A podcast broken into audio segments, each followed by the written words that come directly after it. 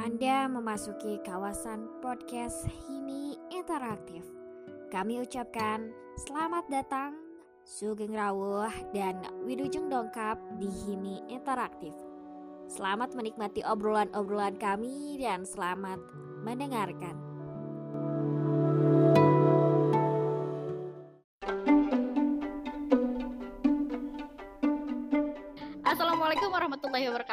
Halo semuanya, apa kabar? Nah, kali ini di edisi yang ketiga kali nih kita hadir untuk ngobrol-ngobrol santuy nih. Masalah apa ya? Karena kemarin kita udah ngebahas masalah beasiswa, di sini kita kebetulan ada salah satu teman saya, teman KKN saya. Kita mau ngobrolin masalah asrama nih. Jadi kalau teman-teman pengen berasrama atau pondok pesantren so, sambil kuliah, itu boleh bisa jadi alternatif juga nih. Kebetulan saya dan ju dan juga dia kebetulan sama-sama penghuni asrama. Tapi beda ya asramanya aku di dekat uh, kampus ya jauh. Dia entah berantak atau di mana gitu ya. Kita sapa dulu ya ada siapa di sana? Halo passwordnya. Halo teman-teman. Siapa namanya kenalin dulu dong. Halo teman-teman. Nama saya Karina Rahmi Siti Farhani. Akrabnya dipanggil Karin aja gimana nih Teh Ica? Ada apa nih? Oke Karin aja. Ini kita mau Dati kita panggilnya Mbak atau Teteh atau Karin aja? Uh, Karin aja deh biar Karin. lebih Karin aja ya. Oke Karin aja. Ini kamu tuh oh ya sibukannya sekarang lagi apain kalau sekarang kesibukannya karena saya termasuknya semester tua ya. Jadi ya seperti biasa skripsian paling atau enggak kegiatan pondok kayak sekarang ini lagi gencar-gencarnya di pondok saya itu nyiapin buat ujian simaan tahfidz 10 juz. Jadi mohon doanya juga dari teman-teman semua biar saya cepat-cepat ujian simaan yang itu lumayan menguras tenaga sekali tenaga materi waktu dan ah lain-lain. Insya Allah dikerjakan dengan ikhlas insya Allah. Kalau amin ya. Minta doanya juga nih buat teman-teman. Nah Teh Karin ini tadi kan cuma namanya doang nih yang dikenalin yang lainnya dong kayak semisal jurusan terus lagi kuliah di mana terus sekarang pondoknya di mana gitu. Oh uh, saya sendiri sekarang kuliah alhamdulillah jurusannya ilmu Al-Quran dan Tafsir di Fakultasnya Usuluddin UIN Sunan Kalijaga Yogyakarta. Dan sekarang juga peran saya yang lain se sebagai mahasiswa juga sebagai santri. Santri di pondok e, Baitul Hikmah Krapia pondok asuhan dari e, Bapak Wakil Rektor Bapak Pilsah Hiron yang mana e, pondok itu apa ya kalau bisa dibilang memang berada di wilayah yang nuansanya memang pondok gitu. Nah Karin kan Karin aja sekarang kan lagi sekarang lagi di Baitul Hikmah kan. Nah boleh diceritain nggak ke mana kenapa sih bisa hadir di Baitul Hikmah tiba-tiba atau seperti apa gitu? Oke, okay. uh, eh, kalau di Baitul Hikmah sendiri mungkin dilalah kali ya. Saya bisa ditempatkan di situ karena yang pertama itu sudah termasuk program dari Kementerian Agama. Jadi sudah satu paket sama beasiswa. Saya ditempatkan di uh, pondok karena mungkin karena yang pertama itu saya ada tanggungan kan. Jadi uh, dapat beasiswa wah enak kayak gini. Tapi di satu sisi saya harus uh, mengemban beban yang sangat berat yaitu untuk menjaga hafalan 10 juz juga 100 hadis. Jadi kenapa mungkin ditempatkan eh, di sebuah pondok? Nah mungkin awal mulanya kali ya. Awal mula saya di pondok Baitul Hikmah itu karena yang pertama itu tadi udah secara otomatis ketika saya menjadi awardee lah itulah dari PBSB UIN Jogja itu sudah otomatis ditempatkan di sana dan kebetulan saya seorang perempuan dan e, jurusannya ilmu Al-Qur'an dan tafsir jadi secara otomatis juga dimasukkan ke Pondok Baitul Hikmah itu. Jadi e, alhamdulillahnya ketika ke Jogja itu nggak perlu lagi cari-cari pondok, alhamdulillah udah langsung ke sana gitu. Oke, jadi ini wasilahnya dari uh, beasiswa Kemendag gitu ya. ya beasiswa Kemendag yang auto jadi penghuni penghuni dari Baitul Hikmah itu sendiri. Nah, uh, setelah ditempatkan di Baitul Hikmah, gimana perasaannya? Soalnya kan sebelumnya mondok gak sih? kalau sebelumnya ya teman-teman yang di sini yang sudah kenal sama saya dari lama-lama dari uh, sejak saya bocil itu mungkin tahu ya gitu. Saya sama sekali bisa dikatakan santri kalong lah gitu. Jadi saya nggak asrama. Ketika saya di Persis Tarogong pun saya nggak asrama. Dan ketika saya harus uh, mondok di Jogja ya saya pikirannya ah mungkin kayak asrama di Ranca Buku aja kayak biasa. Dan ternyata tidak gitu loh. Uh, yang pertama yang saya rasain itu apa ya depresi. Jujur saya depresi. Kenapa? Karena saya langsung diposisikan menjadi anak pondok-pondok ala tradisional Jawa yang mana itu benar-benar harus mandiri. Kalau misalnya di asrama-asrama pondok-pondok Persis aliyah itu kan biasanya kayak uh, ada ibu asrama ada yang masakin kita tinggal makan tinggal tidur kayak gitu.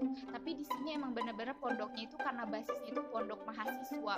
Jadi ya semuanya serba sendiri masak sendiri nyuci apalagi dan yang lain-lain Oke, jadi agak sedikit shock gitu ya, shock, kaget, shock gitu ya.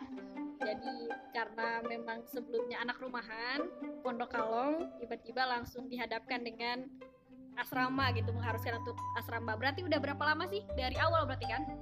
Alhamdulillah dari awal, jadi sekitar ini masuk tahun 2020 ini memasuki tahun ke berarti tahun keempat ya tahun keempat saya menjadi uh, berperan sebagai santri di Pondok Baitul Hikmah Oke sebelumnya nih uh, kalau ngomongin Baitul Hikmah rutinitas apa sih yang hadir di Baitul Hikmah itu sendiri dari mulai tidur sampai tidur lagi gitu? Oke kalau di uh, Bejer Biasin ya mungkin kayak oh Bejer Bias tuh kayak dipaparkan gitu ya dipaparkan. Itu mungkin kayak kita mulai dari bangun tidur mungkin ya setiap harinya. Rutinitas yang umum lah gitu jadi ketika bangun tidur bangun tidur biasanya uh, azan subuh aja gitu ya. Jadi nggak ada kan kalau pondok yang lain malah ada yang kayak dari jam 3 harus sudah bangun. Tapi alhamdulillah pondok saya ini pondok yang da, uh, kegiatannya dimulai dari sejak azan subuh jadi azan subuh kita semua harus bangun uh, sholat jamaah diimamin sama Pak Sahiron langsung juga kita sholat jamaah bareng sama Bu Nyai. Uh, terus abis itu setelah sholat subuh kalau uh, kita langsung ngaji kitab kiro sabah. Nah gitu. Jadi karena uh, apa ya karena Bu Nyai kita juga alhamdulillah seorang uh, hufad dan beliau bersanad kiro asabah juga gitu jadi mungkin beliau langsung menerapkan kepada santri-santrinya gitu loh untuk seenggaknya menguasai juga kiro asabah dan alhamdulillah saat ini angkatan saya sendiri uh, sudah hampir sekitar dua uh, bersamaan dengan uh, usia saya menjadi seorang santri berarti masuk usia keempat uh, sudah alhamdulillah tujuh tujuh imam yang sudah uh, kami pelajari beserta dengan beberapa murid-murid dari setiap imam. Selanjutnya setelah uh, ngaji kiro asabah biasanya kalau uh, kita itu ada piket jadwal masak gitu. Jadi karena di situ kita seperti yang tadi saya bilang kita juga masak sendiri. Jadi setiap pagi-pagi itu pasti ada jadwal masak. Nah biasanya satu hari itu tiga orang atau dua orang lah kayak gitu karena uh, mengingat juga uh, dapur dari pondok saya sendiri itu terbilangnya kecil gitu gitu. Jadi asalkan bisa masak lah kayak gitu potong-potong kayak gitu. Habis itu langsung lanjut ke uh, kegiatan kuliah seperti biasa masing-masing dari pagi sampai uh, sore itu tidak ada kegiatan pondok tapi setelah dari uh, maghrib jadi maghrib setelah azan maghrib dimulai lagi kegiatan pondok uh, kegiatannya sholat uh, jamaah maghrib sama ibu sama bapak terus abis itu kita langsung store hafalan. Nah di situ biasanya uh, terserah ibu ibu ibu nggak uh, apa ya ibu tidak menyarak tidak mewajibkan untuk selalu setor ibu juga menerima murojaah dan ya deres-deres kayak gitulah pokoknya. Jadi setelah itu lang uh, setoran semua santri yang memang uh, apa ya santri perempuan yang tidak sedang yang sedang suci lah tidak sedang berhalangan itu diwajibkan untuk setor hafalan uh, minimalnya satu halaman minimalnya itu terus itu berlanjut sampai uh, selesainya jadi meskipun azan isya pun kita tetap stora sampai selesai nah setelah selesai kita lanjut sholat berjamaah isya sama ibu sama bapak. Habis itu sekitar pukul 8 mungkin pukul 8 uh, kita dipersilahkan untuk kembali lagi ke kamar masing-masing dan biasanya kita di situ bisa makan. Baru bisa makan malam. Nah, uh, biasanya setelah itu langsung kita ngaji uh, ngaji malam. Dan ini kayaknya panjang banget ya, mohon maaf. Gak apa-apa. Jadi ngaji malam itu kita juga ada beda-beda Nah biasanya itu kalau jadwal pastinya saya lupa ya karena saya sudah lama tidak di pondok, 6 bulan saya di Garut. Jadi kira eh, kira-kira ada ngaji bahasa Arab, ada bahasa Inggris juga. Itu bahasa Arab bahasa Inggris secara gramatikal ya. Jadi mempelajari bahasa. Terus juga di uh, yang lainnya kita ada belajar tentang uh, karena Pak Sahiron sendiri adalah seorang ahli hermeneutik gitu. Jadi beliau pun uh, mengajarkan kepada kita sebagai santrinya salah satunya melalui uh, buku uh, The Theory of Textuality dari Gracia itu kita belajar hermeneutik di situ terus kita juga belajar kitab di antaranya ada hadis uh, Sahih Bukhari, Nasaihul Ibad, uh, Manba'u Sa'adah. Nah, Manba'u Sa'adah itu satu satu dari kitab yang bisa dibilang kita paling excited sebagai santri karena itu isinya sebagai apa ya? Uh, sebagai bekal kita untuk uh, apa ya relasi antara manusia gitu loh dan di dalamnya juga ada tentang pernikahan ada tentang relasi perempuan dan laki-laki seperti itulah ya tahu sendirilah gitu ya perempuan santri gitu ya perempuan semua ngaji kayak gitu jadi excited banget kayak gitu mungkin jadi kalau dilihat dari segi rutinitas ini padatnya tuh malam abis ngaji isya itu ya Nah, ternyata emang banyak sekali materi yang dipelajari ya, apalagi kitab-kitabnya. Terus ternyata belajar hermeneutik gitu kan. Nah, sebenarnya di satu rumah Baitul Hikmah ini berapa orang sih? Kalau jumlahnya itu e, biasanya kan e, dari awal ketika saya itu anak itu tuh di pondok itu tuh ada dari angkatan 2016 Nah, dulu itu ada sempat 2015 hanya dua orang dan sekarang udah wisuda jadi uh, mbak-mbak yang berdua itu udah nggak di pondok lagi dan sekarang di, dari uh, angkatan 2016 sampai 2020 angkatan 2020 eh 2019 2019 itu sekarang sekitar 25 orang. Nah, katanya yang sekarang 2020 itu ada masuk sekitar tiga orang. Jadi ya lumayan Berarti itu 25 orang ini satu ruangan untuk mengkaji materi-materi yang tadi disebutkan setiap malam. E, biasanya beda-beda. Kalau misalnya kita ngaji kitab, ngaji ngaji kitab, ngaji kitab biasanya disatuin semua di aula. Jadi ada aula yang emang itu tuh nggak nggak seperti aula, mungkin se seperti apa ya, ruang tamu rumah bapak gitu ya, yang dialihfungsikan menjadi aula dan juga musola kita sendiri sebagai santri. Dan kalau ada sholat jamaah dan ngaji kayak gitu. Tapi kalau yang dipisah itu ngaji bahasa Arab sama bahasa Inggris. Jadi itu di level gitu loh. Jadi tingkatannya ada yang mbak-mbak yang udah 2016 kan udah udah mahir-mahir banget lah gitu jadi e, gurunya pun beda gitu loh ngaji bahasa Arab dan bahasa Inggris pun ada dua guru masing-masing nah dari tadi nih kita eh Karin aja tuh ngobrol ada Bu Nyai sama Bapak. Bapak di situ kan Pak Pial Sahiran beserta istrinya. Oke. Nah, eh, tadi nih ada setor hafalan. Itu setor hafalannya Al-Quran doang atau emang ada hadisnya juga? Soalnya kan tadi eh, harus 100 hadis kan hatam gitu kan. Kalau misalnya di pondok itu fokusnya ke Quran. Nah, kita juga di sini yang eh, apa sih yang PBSB itu kita masih menanyakan nih, kok yang 100 hadis itu eh, kapan disetornya gitu loh. Dan kita juga belum belum belum menanyakan lebih lanjut ke pihak pengelola dari PBSD UIN Jogja karena yang anak 2016 pun ternyata tidak ada yang 100 hadis itu apakah mungkin sudah berubah regulasi karena berubah tahun atau seperti apa kita juga nggak tahu. Tapi kalau uh, secara umum di pondok hanya Al-Quran. Dari 25 orang ini nih itu semuanya beda jurusan atau emang satu jurusan sama? Kalau misalnya 25 itu uh, kebanyakan itu sama-sama ilmu Al-Quran tafsir Nah, yang berbeda itu hanya ada dua orang yang memang non PBSD, bisa dikatakan gitu. Jadi uh, itu dua orang itu dari Fakultas Tarbiyah dan Fakultas Adab gitu. Tapi itu sama-sama dengan angkatan saya, jadi angkatan 2017. Yang tiga orang ini nih yang baru, Baba, dua orang.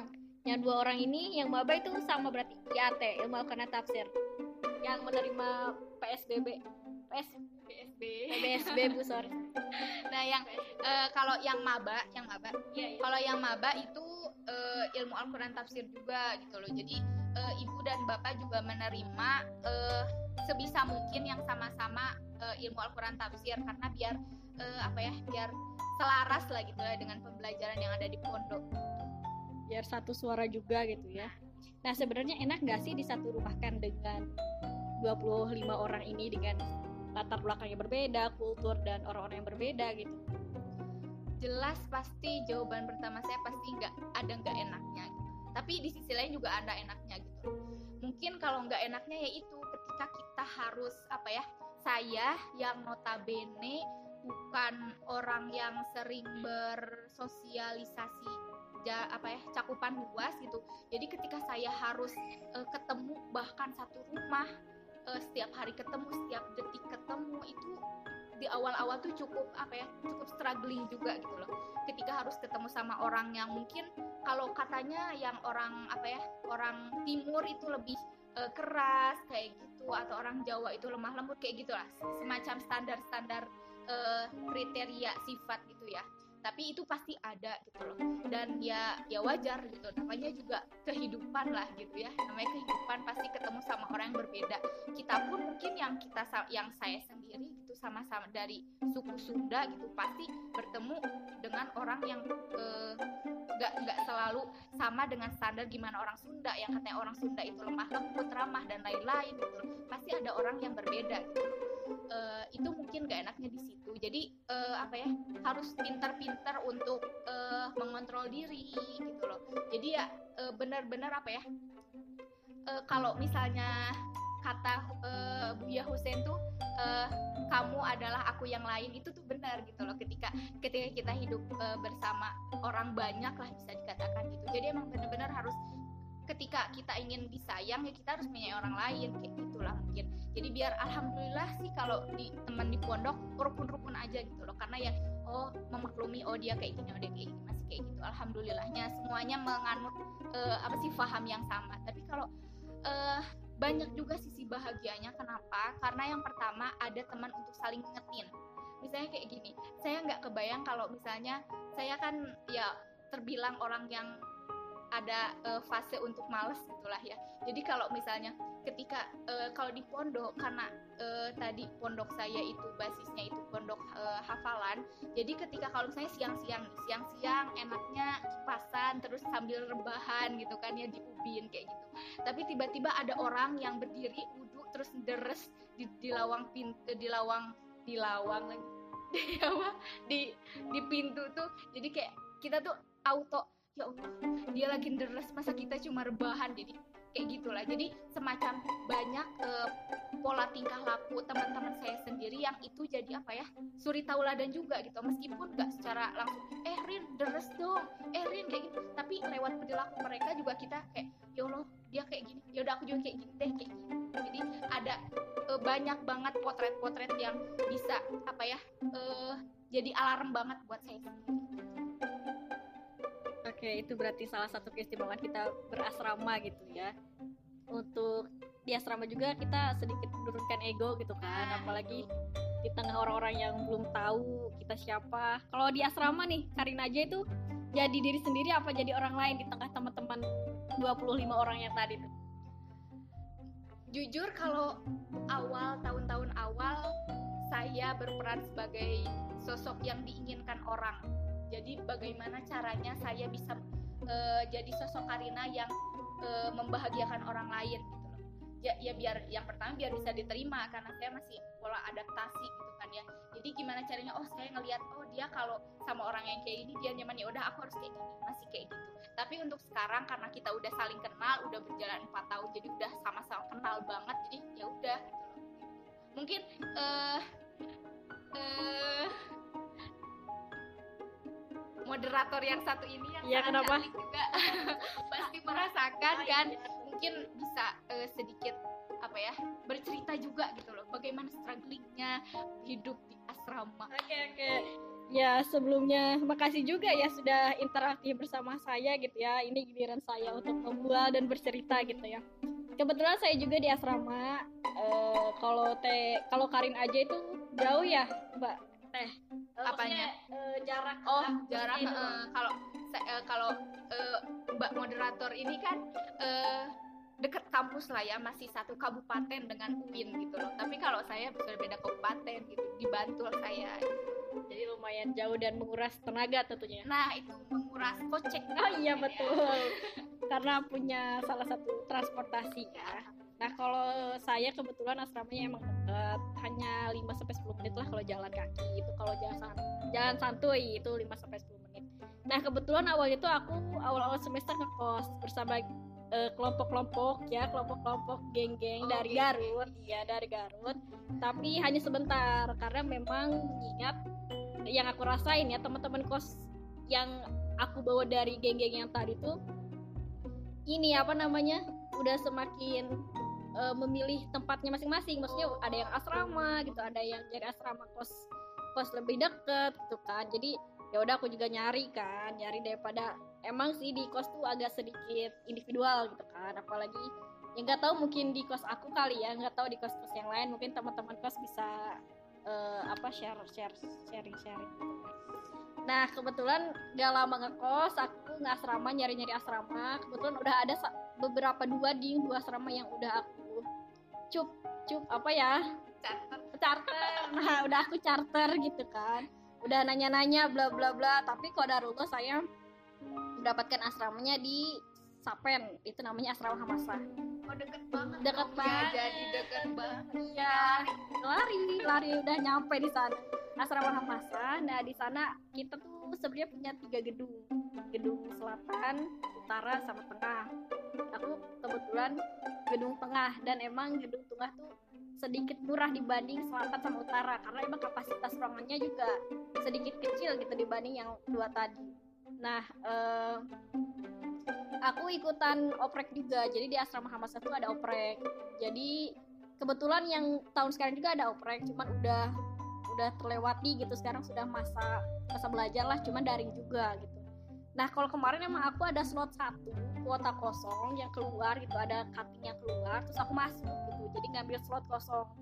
Ngambil slot kosong habis itu ya aku masuk. Di sana kita ditanya-tanya lah wawancara keistiqomahan gitu gimana. Terus ngaji kalau nggak salah ngaji Al-Quran. Dan udah di sana opreknya cuma segitu dan endingnya tuh di tel di telepon apa di chat ya. Pokoknya dikabarin aja kalau semisal udah bisa nempatin gitu kalau kemarin aku tuh satu kelas eh satu kamar tuh berdua dalam keadaan yang lumayan lah ya apalagi dengan barang bawaan yang lumayan nggak minimalis gitu kan. Terus di sana apa ya, materinya tuh nggak seketat dari tadi teh Mbak Karin di Baitul Hikmah. Aku tuh cuman ada tahsin, tahfidz sama kajian. Sama kalau semisal setiap hari Jumat itu ada jumsi sama ada olahraga-olahraga gitu di Gor Uin Oh. biasanya cuman segitu doang sih. Jadi setiap pokoknya di rolling sekarang malam sekarang tahsin besok tahfidz tahsin tahfidz gitu setiap malamnya. Dan weekend kita kajian gitu mendatangkan salah satu ustad yang paling intens sebenarnya tahsin dan tahfidz gitu. Itu tahfidnya, tahfidnya ditentukan atau gimana? kalau tahfidz kita dimulai dari belakang nah ditentukan dari juz belakang. Nah kalau semisal untuk setorannya sih nggak ada nggak ada apa ya nggak ada targetan lah. Balik lagi ke individual masing-masing gitu. Mau berapa berapanya gitu. Cuman ya malu sendiri lah ya kalau semisal sedikit gitu kan. Orang-orang udah pada jauh udah pada lari gitu kan. Sedangkan saya sendiri mungkin jalan itu jadi tadabur sendiri lah. Itu sih kalau tahsin aku sendiri di asrama Hamas itu pakai metode umi. Tahu nggak Enggak, gimana tuh gimana? jangan dong kalau metode umi sebenarnya eh, metode kalau di sini kan bayat ya kalau di Raja Bogor Iya, iya. nah kalau aku tuh di Hamasa itu pakai metode umi jadi sama masih ada nada naik turun kayak gitu kayak gitu Cuman cuman tapi lebih kepada tahsin suara gitu ya, bukan bukan tahsin eh, cara membaca huruf gitu Iya ya. juga belajar juga. Oh, belajar juga. jadi dari. Ham- dari Hamzah sampai pokoknya sampai terakhir. Cuman ya aku dari orang Jawa Baratnya jadi kalau baca ba gitu ba itu contohnya ya Ah, iya, suka akhirnya tuh sudah ada hamzah gitu Iya, eh, sama kayak gitu juga aku di rumah saya juga pas di gitu. pondok. Tapi kamu pakai metode apa ya Tapi kalau kalau kalau eh, saya sendiri itu lebih kepada pas ngaji aja gitu loh. Jadi kita nggak ada harus pakai lagam-lagam lah ya gitu istilahnya lebih gampangnya. Jika pakai lagam-lagam, jadi pas ngaji aja itu loh kok ada ini. Tapi ini tuh pas saya mualimin tuh ini tuh biasa aja gitu loh. Gitu. Jadi lumayan bikin masalah. iya kan tapi kamu ngerasa gak sih ujungnya tuh ada hamzah gitu Kalau dulu enggak biasa aja, tapi semenjak pas ngaji, oh iya ya kok orang-orang kok nggak ada ya kayak gitu. Makanya itu juga terjadi pada saya itu juga beberapa pokoknya ketika tahsin tuh tahsin dan tahfid eh, si apa ya orang yang ujinya tuh kayak ngetok gitu. Iya ada hamzah ada hamzah gitu gitu kan. Aku awalnya tuh nggak ngerasa emang hamzah sebelah mana sih? Soalnya kalau Iya, ngaji tuh kan biasa aja ya. Ternyata ada hamzah gitu sih. Pokoknya kalau misal teman-teman pengen ngepoin asrama hamasa itu pokoknya pantengin aja di Instagramnya @asramahamasa nanti ada informasi-informasi terkini lah terkait dengan apakah nggak tahu ya teknis ini apakah di di apa direalisasikan. Kalau kemarin kan aku kuota kosong bisa masuk. Nah kalau sekarang nggak tahu karena nggak tahu belum ada pemberitahuan yang kalau lebih lanjut gitu sih. Kalau dari aku selaku asrama hamasa kalau dari penanya nih penanya nih. Kalau misalnya kan tadi katanya ada tahfidz ada ujiannya nggak tuh? Misalnya per semester kayak gimana ada nggak tuh? Kalau nggak salah tuh ada ada. Ada ada per semester berarti ya kayak gitu. tapi kayak ya nggak formal formal banget Iya, ya. nggak formal formal banget cuman ada oh iya. oh iya iya iya nah gitu sih kalau di asrama Hamasa gitu ya mungkin kalau saya emang lebih dekat gitu di ke kampusnya kalau saudara saya Karin aja itu emang sedikit. Jauh lah kalau semisal teman-teman pengen ada dua pilihan nih yang jauh apa yang dekat. Kalau teman-teman pengen em, apa ya ngerasain euforia perjalanan di Jogja mungkin ya. Bisa nih yang lebih jauh di Bantul sana gitu di Trapiak atau Hikmah tapi itu catatannya buat teman-teman besok meneg ya. Tapi katanya eh, beasiswa Kemenang itu kemarin itu terakhir 2019 apanya eh, apa sih kayak eh, penerimaannya gitu. Jadi anak 2020 itu nggak ada yang PBSB gitu loh. Makanya kemarin pun yang masuk ke Baitul Hikmah itu eh, bukan yang PBSB, yang memang ya bisa dikatakan reguler lah katanya kayak gitu. Jadi eh, nggak tahu kenapa itu udah kebijakan dari Kemenag sendiri tahun 2020 itu PBSB berubah regulasi gitu loh. Jadi eh, apa hanya untuk Ma'had Ali dan yang di eh, cabang istimewa gitu loh. Jadi pas 2020 kemarin itu membuka PBSB di Mesir, juga Ma'had Ali di empat Ma'had Ali. Ma'had Ali itu kalau bisa dibilang apa ya? Kayak mondok aja gitu loh. Mahasiswa tapi mondok aja nggak pakai kuliah. Tapi di di beasiswain sama PBSB gitu sama Kemenag. Cabang istimewa tuh itu doang Kairo eh, apa tadi Mesir. Mesir doang Ah, berarti Mesir. Kalau kalau nggak salah Mesir aja, Mesir aja. berarti ini kamu tahun terakhir eh, aku kan 2017, nah masih ada 2012, 2019, nah itu yang akhir. Nggak ada lagi setelah itu. gitu ya sekarang udah berbeda Ya. Jadi eh, ada beberapa juga yang eh, adik kelas adik kelas yang masih ada itu kayak menyayangkan kan? Ya istilahnya kayak apa ya? PBSB itu satu wadah beasiswa untuk santri. Istilahnya santri. Kalau misalnya kayak bidik misi mungkin ada yang lain kayak ya beasiswa-beasiswa yang lain mungkin bisa juga diikut sertakan eh, sama orang-orang yang non santri, istilah yang SMA lah, SMA aliyah negeri kayak gitu. Tapi kalau PBSB ini ruang bagi para santri untuk bisa merasakan beasiswa kuliah gitu loh dan sekarang dibatasi dan ya saya sungguh disayangkan banget lah bener banget sangat disayangkan ya. Berarti terakhir tahun 2019 itu dan wah buat teman-teman berarti sudah tidak nggak bisa lihat hilal beasiswa kemenag ya? Iya paling kayak gitu. Tapi eh mungkin kalau dari saya sendiri sama Mbak moderator paling kita ingin menekankan di sini tuh dari eh, apa ini tadi eh, pembicaraan tentang asrama atau pondok. Mungkin eh, ada angin segar lah gitu untuk kalian-kalian. Mungkin yang sekarang jadi maba yang masih kebingungan nyari tempat tinggal mungkin kita bisa menyarankan pondok atau asrama gitu dengan suguhan yang seperti tadi lah gitu. Di mana kayak apa ya kalau di uh, karena kalau Jogja itu biasanya identiknya itu dengan asrama dengan pondoknya itu gitu loh.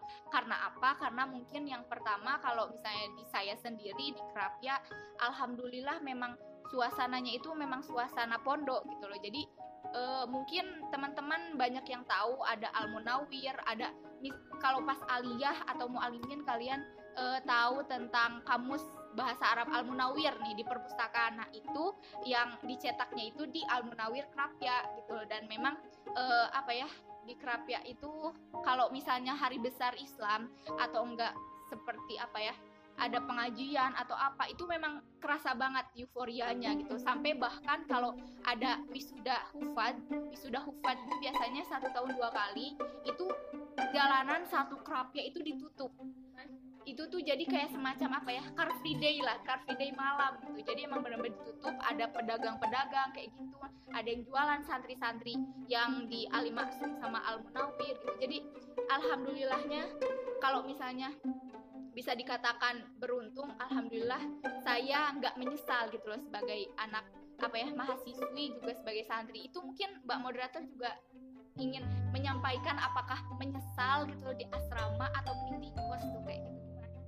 Menyesal atau enggaknya ya sebenarnya uh, sangat ini momentum yang gak akan diulang dua kali gitu ya. Soalnya kalau namanya waktu emang cuma satu kali toh gitu kan. Makanya ya bersyukur banget gitu bisa hadir di teman-teman Hamasah gitu ya. Uh, jadi enak banget lah kalau di asrama gitu. Jadi buat teman-teman yang mau nih bisa jadi alternatif dua alternatif nih. Di sini ada yang jauh dan ada yang dekat gitu. Nah setelah kita berbincang lebih lama nih Mbak Karin Teh Karin ini aku mau nanya ini uh, pesan dan kesan selama di Baitul Hikmah. Ada eh sebelumnya ada yang mau disampaikan lagi nggak? Uh, udah aja deh kayaknya udah, udah ada. Oke oke. Uh, selama di Baitul Hikmah nih kan ada suka dukanya kan, suka dukanya di satu rumah kah dengan orang-orang yang berbeda gitu. Gimana sih pesan sama kesan, terus uh, suka dukanya di asrama itu? Baitul Hikmah kalau misalnya suka duka eh, tadi selayang pandangnya udah udah sedikit ya udah sedikit dibahas. Mungkin kayak lebih kepada apa ya? Tadi mungkin teman-teman bisa menyimpulkan lah gitu bagaimana suka dukanya gitu menjadi anak pondok gitu loh. Uh, yang bisa dibilang mungkin dari sini saya benar-benar tidak ada pengalaman untuk hidup bersama orang lain gitu loh. Dan uh, mirisnya juga gitu kalau bisa diceritakan gitu. Ketika saya ke Jogja saya itu ya alhamdulillah diantar sama orang tua saya. Tapi ketika sampai pondok udah sampai pondok saya saya nyimpen koper ke kamar udah selesai. Saya kira tuh kayak orang tua saya tuh bakalan perpisahan atau kayak gitu kan karena pertama kali melepas anaknya yang pertama kali ngeasrama. Dan ternyata tidak saudara-saudara. Gimana ya gimana? Langsung pulang? Iya benar-benar. Oh, iya. dari situ saya kayak loh kok pulang. Benar-benar saya benar-benar langsung ditinggal. Ya dari situ saya benar-benar yang tadi saya katakan saya depresi benar-benar depresi gitu loh. Nggak ada say goodbye gitu. Ya, paling kayak uh, kalau di, dikatakan dalam bahasa Sunda D KD kudu kio kio kio udah selesai. Jadi kayak saya itu berpikirnya aduh kayaknya bakal diajak jalan-jalan nih ke Jogja kan gitu. Di Jogja kayak ke mana Malioboro lalala kayak gitu. Dan tahunya enggak gitu. Dan habis itu ya udahlah saya pergi ke kamar saya beresin sambil nangis. Bener Allah. Terus saya kayak ya Allah ini kayak gini beneran nih. Aku bakalan hidup sendiri di sini gitu loh nggak ada siapa pun. Dan emang bener-bener di Jogja tuh saya saudara nggak ada gitu loh. Temen paling ya temen sekolah gitu loh. Nggak ada nggak ada yang saya kenal gitu loh. Orang apa ya orang dewasa gitu nggak ada gitu loh. Terus mungkin kayak uh, pas dulu tuh pernah nih. Jadi kayak uh, awal-awal udah selesai masuk kuliah bulan-bulan pertama tuh saya sempet kayak kayaknya nggak bulan-bulan pertama nih satu tahun pertama lah bisa dibilang. Jadi itu tuh saya sampai uh, karena bener-bener kalau kuliah saya semangat gitu. Kalau kuliah saya semangat. Mungkin saya agak tertekan dengan aktivitas di pondok yang emang udah langsung kayak uh, ngaji set set set set gitu loh dengan rangkaian jadwal gitu loh. Dan di situ saya mulai apa ya mulai tertekan gitu sampai-sampai saya itu kalau udah ngerjain tugas sampai jam 12 malam saya nunggu sampai jam satu di mana semua orang pondok teman-teman saya itu tidur saya nangis satu di bawah jemuran. Beneran kayak nangis mama kayak gitu beneran. Kayak ya Allah apa ya kayak harus banget ya kayak gini gitu loh. Tapi aku tuh uh, apa ya berpikir lagi kayak kan uh, kalau misalnya PBSB sistem beasiswa itu nggak tahu sih mungkin bidik juga dan beasiswa yang lain juga kayak gitu. Jadi kayak kalau misalnya berhenti di tengah jalan nanti tuh harus mengembalikan semua uang yang sudah dikeluarkan oleh pemerintah gitu loh. Dan saya juga langsung mikir lagi aduh berapa duit nih yang sudah dikeluarkan oleh Kemenag untuk saya? gitu. Jadi ya udahlah nggak apa-apa gitu loh. Karena saya sendiri uh, lahir dari latar belakang keluarga yang emang kalau kuliah tuh jangan jauh-jauh kecuali emang beasiswa nah gitu. Jadi sebelumnya itu saya uh, ingin beasiswa eh ingin kuliah di Bandung aja gitu. Jadi kayak kata orang tua saya tuh kalau kalau mau kuliah ya udah ke Bandung. Bandung aja udah cukup jauh gitu dari Garut. Apalagi ke Jogja gitu. Nggak ada kepikiran sama sekali. Tapi yang dilalah lagi gitu loh. E, ada beasiswa ya meskipun jauh ya udahlah. Yang penting beasiswa gitu loh. Jadi alhamdulillah dijalani aja gitu. mungkin e, kalau pesan dari saya itu ya tadi gitu loh seperti yang apa tadi saya katakan kita mungkin teman-teman yang lain juga ya seumur sama saya dengan Mbak moderator kali ya yang mendengarkan ini. Jadi untuk teman-teman yang memang baru maba ataupun yang udah menjalani sebagai mahasiswi kalau prinsip hidup saya tuh ya itu tadi gitu loh. Kamu itu adalah aku yang lain. Jadi gimana kita memposisikan diri orang lain sebaik kita memposisikan diri kita sendiri gitu. Ketika kita ingin uh, jangan berharap ingin dihormati orang kalau kita belum bisa menghormati orang kayak gitu. Mantap. Nah ini nih untuk terakhir ya. Tadi kan uh, Mbak Karin aja tuh ngomong kalau semisal di asrama kita akan saling mengingatkan dan sebagainya gitu kan. Nah sebenarnya dari versi Karin aja definisi asrama menurut kamu apa sih selain tadi saling mengingatkan gitu? Definisi pondok kali ya karena saya kan pondok. Jadi definisi pondok itu apa ya? Ladang bercocok tanam kayaknya. Mungkin kenapa saya katakan gitu? Ini spontan aja enggak? Jadi jadi nggak tahu. Mungkin ada istilah lain yang mungkin bisa saya saya maknai dalam hidup saya gitu untuk pondok. Tapi ini secara spontan saya bilang seperti itu. Kenapa?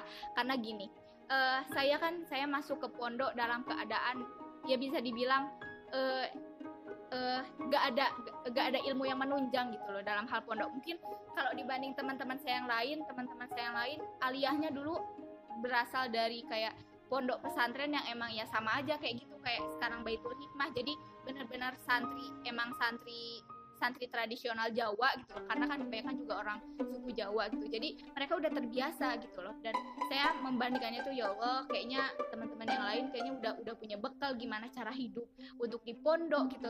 Bukan di asrama gitu ya tapi di pondok gitu. Gimana caranya untuk survive kayak gitu.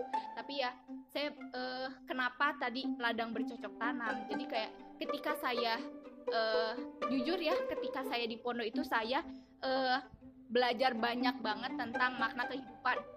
Di mana mungkin menghargai orang uh, apa ya uh, dari mulai menjaga kebersihan pun itu saya belajar banyak banget dari pondok. Jadi uh, ketika kita bisa uh, menanam benih yang baik ya tahulah sendiri ya kita juga pasti akan menuai suatu hal yang baik gitu loh. Jadi ya saya juga merasa bahwa uh, saya sudah menjadi Karina yang mungkin berbeda dengan bagaimana uh, potret Karina ketika mualimin atau sanawiyah gitu. Dan itu kurang lebih dan sedikit banyak itu juga dipengaruhi oleh bagaimana saya menghadapi masalah strugglingnya. Bagaimana saya untuk uh, apa sih survive dari my trip my adventure-nya di pondok gitu. Jadi ya gitu sih ladang untuk bercocok tanam. Ya Allah, berarti kalau misal teman-teman pengen bercocok tanam versi uh, nanti masa depan atau yaumil kiamah mungkin bisa ya dicoba untuk mondok gitu sembari kuliah. Nah kalau semisal asrama versi saya nih, sebenarnya eh mau tahu nggak versi saya? Iya tahu dong itu amat. nah kalau semisal asrama versi saya, sebenarnya saya juga masih belum tahu ya perbedaan pondok sama asrama itu apa gitu ya. Soalnya saya sendiri nyebutnya asrama, sedangkan Bakarin atau Teh Karin nyebutnya pondok gitu ya. Kalau asrama bagi saya sebenarnya apa sih? Simple sih, kayak ya mungkin keluarga baru yang nantinya akan menjadi suatu syafaat gitu di kiamah nanti akan saling uh, ngakuin kalau dulu aku ngelakuin apa apa apa gitu ada ada pengingat gitu penolong buat nanti dan juga berasrama itu menjadikan kita personalitinya membentuk karakter gitu terlebih dari itu menurunkan ego menurunkan amarah gitu. Di sana kita uh, pandai-pandai memanage lah ya. Apalagi dari segi kebersihan dan sebagainya gitu. Seluk seluk beluk dan suka dukanya tuh adalah di dalam dunia asrama. Beda sama dunia perkosaan gitu. Di sini tidak menafikan yang kos berbeda. Maksudnya ya kalau misal anak kos pandai untuk manage itu ya nggak apa-apa gitu. Tapi di asrama itu beda lah gitu. Jadi kalau misal teman-teman pengen cobain nih rasanya asrama rasanya membentuk karakter rasanya mencicipi dunia manis pahit asam gurih itu di asrama ada atau di pondok juga ada nah teh Karin kita sudah berlama-lama nih sudah bercerita panjang lebar terkait dengan asrama ada yang mau disampaikan lagi nggak kayaknya udah aja deh udah aja, udah aja deh ya. panjang banget oke okay. kalau misalnya pengen ketemuan boleh ya nanti kita ada di Jogja gitu ya Oke teman-teman gak kerasa nih kita udah ngobrolin seluk-beluk terkait dengan asrama. Bagi teman-teman yang pengen banget nge-asrama di daerah istimewa Yogyakarta Anak UIN ataupun anak apa pun UIN, UII, UMY, UAD dan sebagainya silahkan teman-teman cari atau mungkin ini bisa jadi referensi buat teman-teman. Ada dua opsi nih ada asrama dekat sama asrama jauh gitu ya. Jadi segitu dulu aja gitu ya obrolan santuy kali ini di Himi Interaktif yang ketiga kali uh, saya sebagai moderatornya dari tadi sudah disebutkan moderator-moderator saya nggak tahu di sini posisi saya sebagai apa uh, mungkin mohon maaf ya apabila semisal banyak ketersinggungan dari ucapan-ucapan saya baik dari kawan saya selaku teman santuy kita pada sore hari ini. Uh, gitu aja ya teman-teman. Ditutup sama doa Robana atina fina sana wa fil akhirati hasanah. Wassalamualaikum warahmatullahi wabarakatuh. Bye bye teman-teman. Dadah teman-teman.